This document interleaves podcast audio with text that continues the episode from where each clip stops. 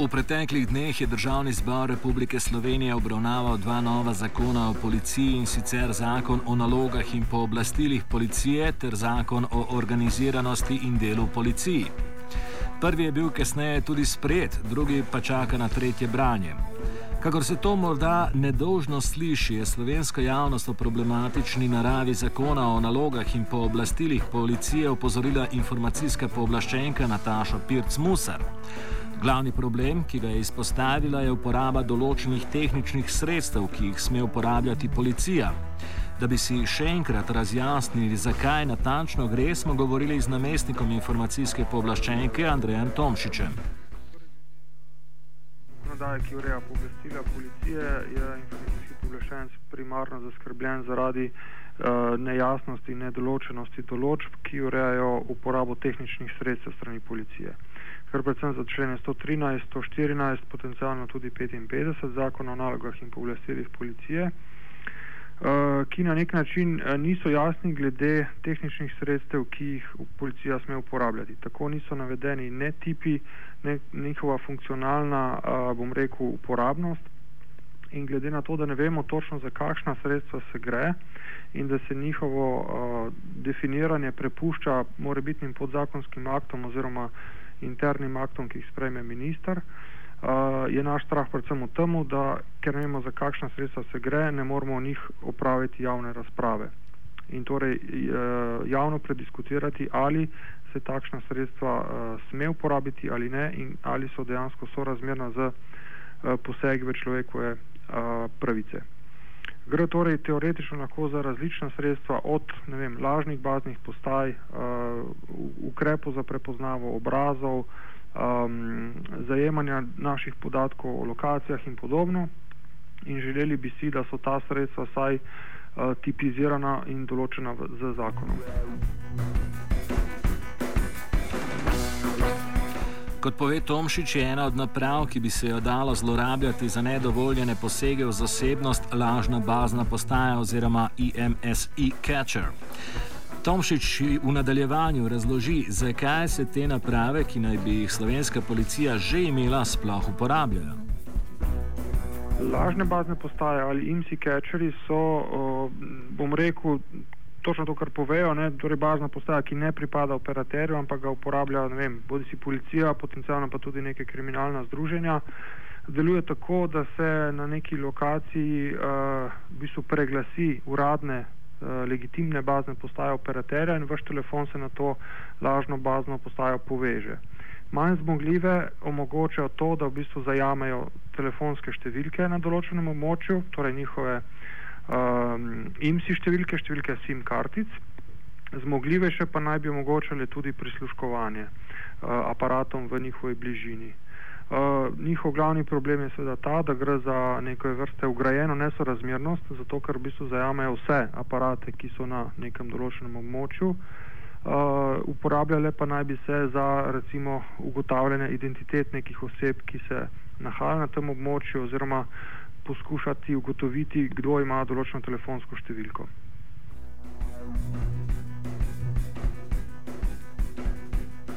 Pomisleke informacijske pooblaščenke Pirc Musarjeve o preveč ohlapni zakonski opredelitvi uporabe sredstev za nadzor je komentiral generalni direktor direktorata za policijo in druge varnostne naloge Miroslav Žabrov. Tukaj uh, moram povedati, da uh, smo se sicer usklajevali z informacijsko pooblaščenko, ki je imela pripombe na določene člene, v določenih pogledih smo jih sledili, ne pa v popolnosti. Tisto, kar ona kritizira, se pravi, to je ta 113. člen, ki govori o tem, da lahko policija za dokazovanje prekrškov in kaznjivih dejanj ter za identifikacijo uh, storilcev, oseb, vozil in predmetov uporablja določena tehnična sredstva in jih potem tudi načeloma opredeljuje, uh, katera. Uh, je v temu, uh, da informacijska pooblaščenka uh, je nekako podala zahtevo, da bi bila vsa ta sredstva našteta. Uh, mi menimo, da vseh teh sredstev zaradi tehnike, uh, ki napreduje, ni mogoče našteti.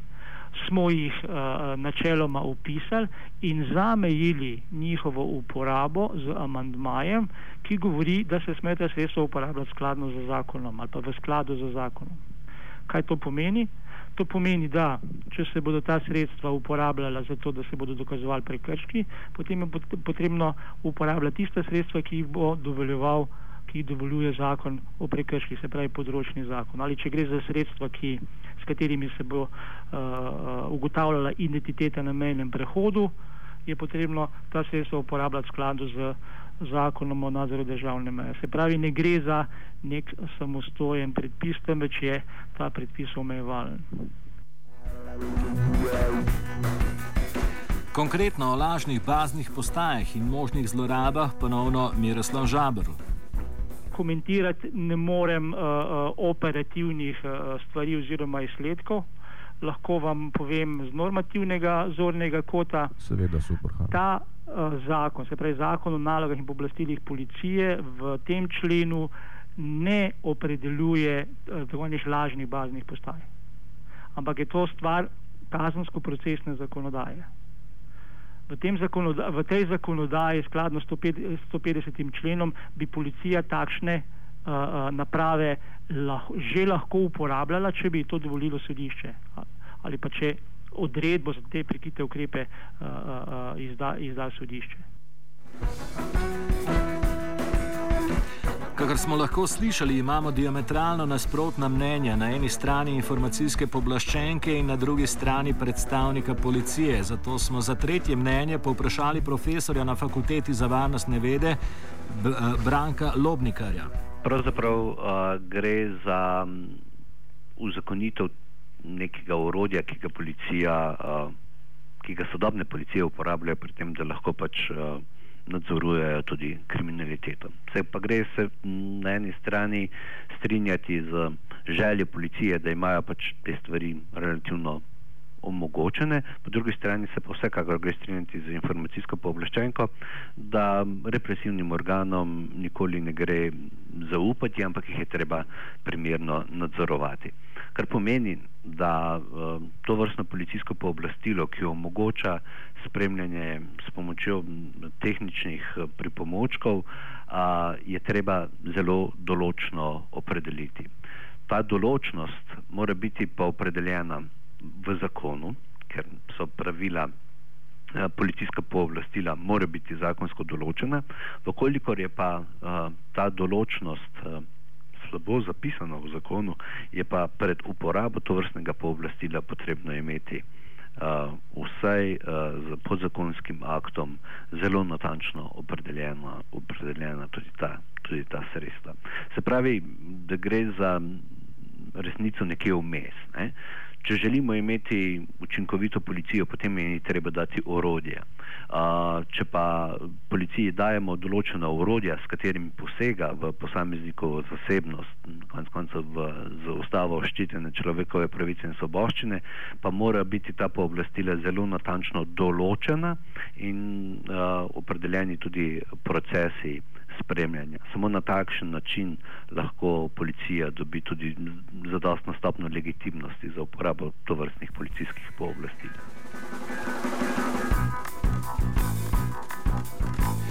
Zaradi objektivnih razmer v državi, v mislih imamo seveda protivladne proteste in splošno prebojeno politično vzdušje, ostaja vprašanje, zakaj je do te spremembe zakona prišlo zdaj. Branko Lobnikar ne vidi neposredne povezave z dogajanjem. Ta policijska zakonodaja se je pripravljala že v Pahorjevi uh, vladi in če Pahorjeva vlada ne bi padla, bi bila ta policijska zakonodaja sprejeta. Uh, se je popravljala v tej novi vladi in uh, ne gre za nekaj, kar bi bilo povezano z aktualnimi uh, demonstracijami v tej državi. Se pa seveda ne, to vrstno pooblastilo lahko zdaj aktualizira. Ne. Predtem, ko nismo imeli množičnih demonstracij, pravzaprav nihče ni upazil tega člena, razne informacijske pooblaščenke, niti ni um, dobil odmeva v javnosti. Danes pa, ko imamo to vrstno uh, zbiranje in ko ministr za notranje zadeve um, daje slutiti, ne, da si to vrstnega zbiranja ne želi. Uh, na takšen način potem hitro ugotovimo, ne, da ima policija, kot kaže, neko pooblastilo, da te stvari spremlja. Ga je imela že prej, uh, zdaj gre za neko novo opredelitev tega pooblastila, tako da ni napisano. Uh, za, za sedanji čas, ampak se vleče že tam kakšno dobro pol desetletja uh, v slovenski policiji in v drugih policijah, kjer poskušajo na nek način uzakoniti uh, uh, situacijo, ki, na, ki je nastala na podlagi razvoja uh, IT tehnologije. Um, pred 15 leti to vrstnega, to vrstnega nadziranja niti ni bilo možno izvesti ali pa je bilo izvedeno na bolj nek klasičen star prisluškovalni način, danes pa postaja, postaja, obstajajo tehnične možnosti in ker obstajajo tehnične možnosti in če jih želi država oziroma policija uporabljati, jih je treba tudi uzakoniti. V nasprotju z lobnikarjem v uradu informacijske pooblaščenke glede spremembe zakona ne izključujejo možnosti politične težnje po večjem in temeljitejšem nadzoru. Govori Tomšič. Jaz mislim, da vsekakor da. Um, vem, splošna gospodarska kriza, tudi kriza, bom rekel, vrednot, uh, vsekakor na, nes, na nek način nas uh, pritiska v družbo nadzora, torej uh, potrebe in želje nekaterih, da se o ljudeh uh, zbere čim več podatkov in se to tudi uporabi. Uh, tako da mislim, da moramo biti zaskrbljeni. Nažalost se v, v teh časih tudi zelo hitro sprejema zakonodaja. Včasih po zelo nujnih postopkih, brez da bi se uh, ustrezno pretehtalo uh, določbe, ki se dejansko ustavljajo. In uh, mislim, da moramo biti kar zaskrbljeni. Ja. Po vsem slišanem si lahko vsak ustvari lastno sliko. Pelje to v mirnejši spanec dobrih državljanov ali rigoroznejši nadzor nad tistimi, ki so želni sprememb. Miroslav Žabrl je prepričan, da ne bomo živeli v policijski državi. Za vsak slučaj pa povemo, da nekatere inicijative, ki so zrasle z ustaniškim gibanjem, nudijo brezplačno pravno pomoč v primeru policijskih zlorab in prekoračitve pristojnosti represivnih organov. Na strani Radia Student vam bomo tudi prilepili povezavo z vsemi potrebnimi informacijami.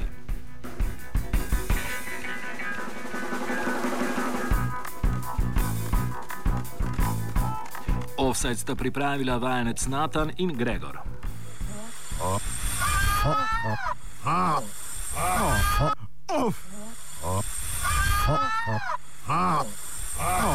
Offside.